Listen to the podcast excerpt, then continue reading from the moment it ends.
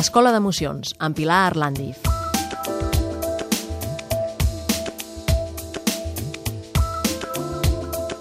De nou som a la nostra petita escola d'emocions, aprenem a gestionar millor les emocions.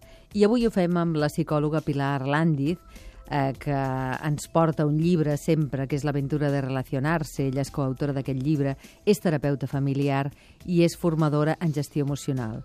I avui aquesta emoció que ens porta és una emoció que molt sovint ens posseix i que és bo que sapiguem com gestionar-la nosaltres i els nostres fills, no? que és l'atenció. Hola.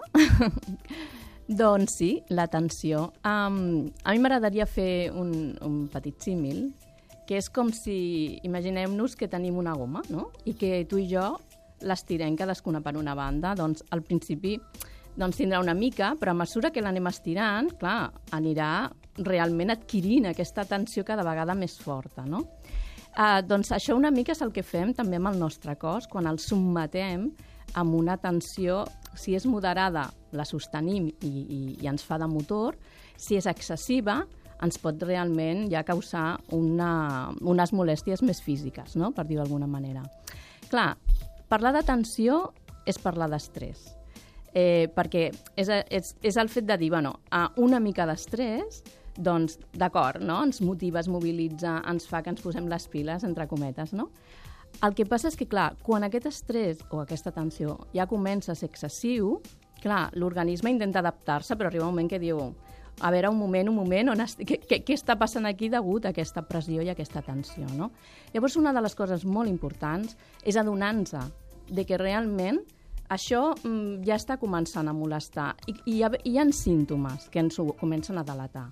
Aleshores, tornem sempre al que, al que et comento i comento amb els, amb els oients, el fet de dir, si nosaltres com a pares i mares som conscients d'aquesta uh, tensió que comença a desfermar-se, també podem observar amb els nostres fills i filles si hi ha un moment determinat que comencen a sentir una determinada tensió perquè és obvi que ells eh, i elles, doncs, per exemple, eh, quan són petits hi ha el que es diu la tensió de la separació en alguns moments, no?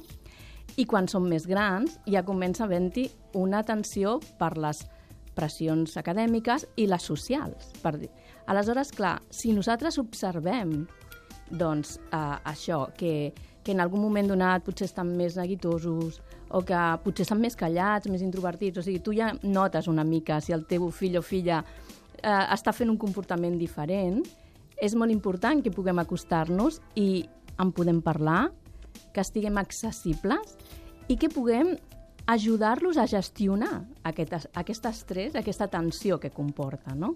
Aleshores, a vegades inclús amb, com, com hi ha una càrrega de, de doncs això, activitats escolars, de deures, etc etc, hem de veure cada nen i nena doncs, si realment és allò de dir, potser eh, les activitats extraescolars, doncs dir, bueno, doncs, potser haurien de rebaixar una mica, o no, o, o veure com, no? Perquè no tots som iguals. I llavors a l'estrès i l'atenció hem de veure com i cadascuna ho podem inquibir. Doncs farem aquesta observació per descobrir, per atenuar, per compensar aquests Exacte. estats de tensió que ens comentaves. Moltes gràcies per haver-nos acompanyat, per la ràdio. Moltes gràcies a vosaltres.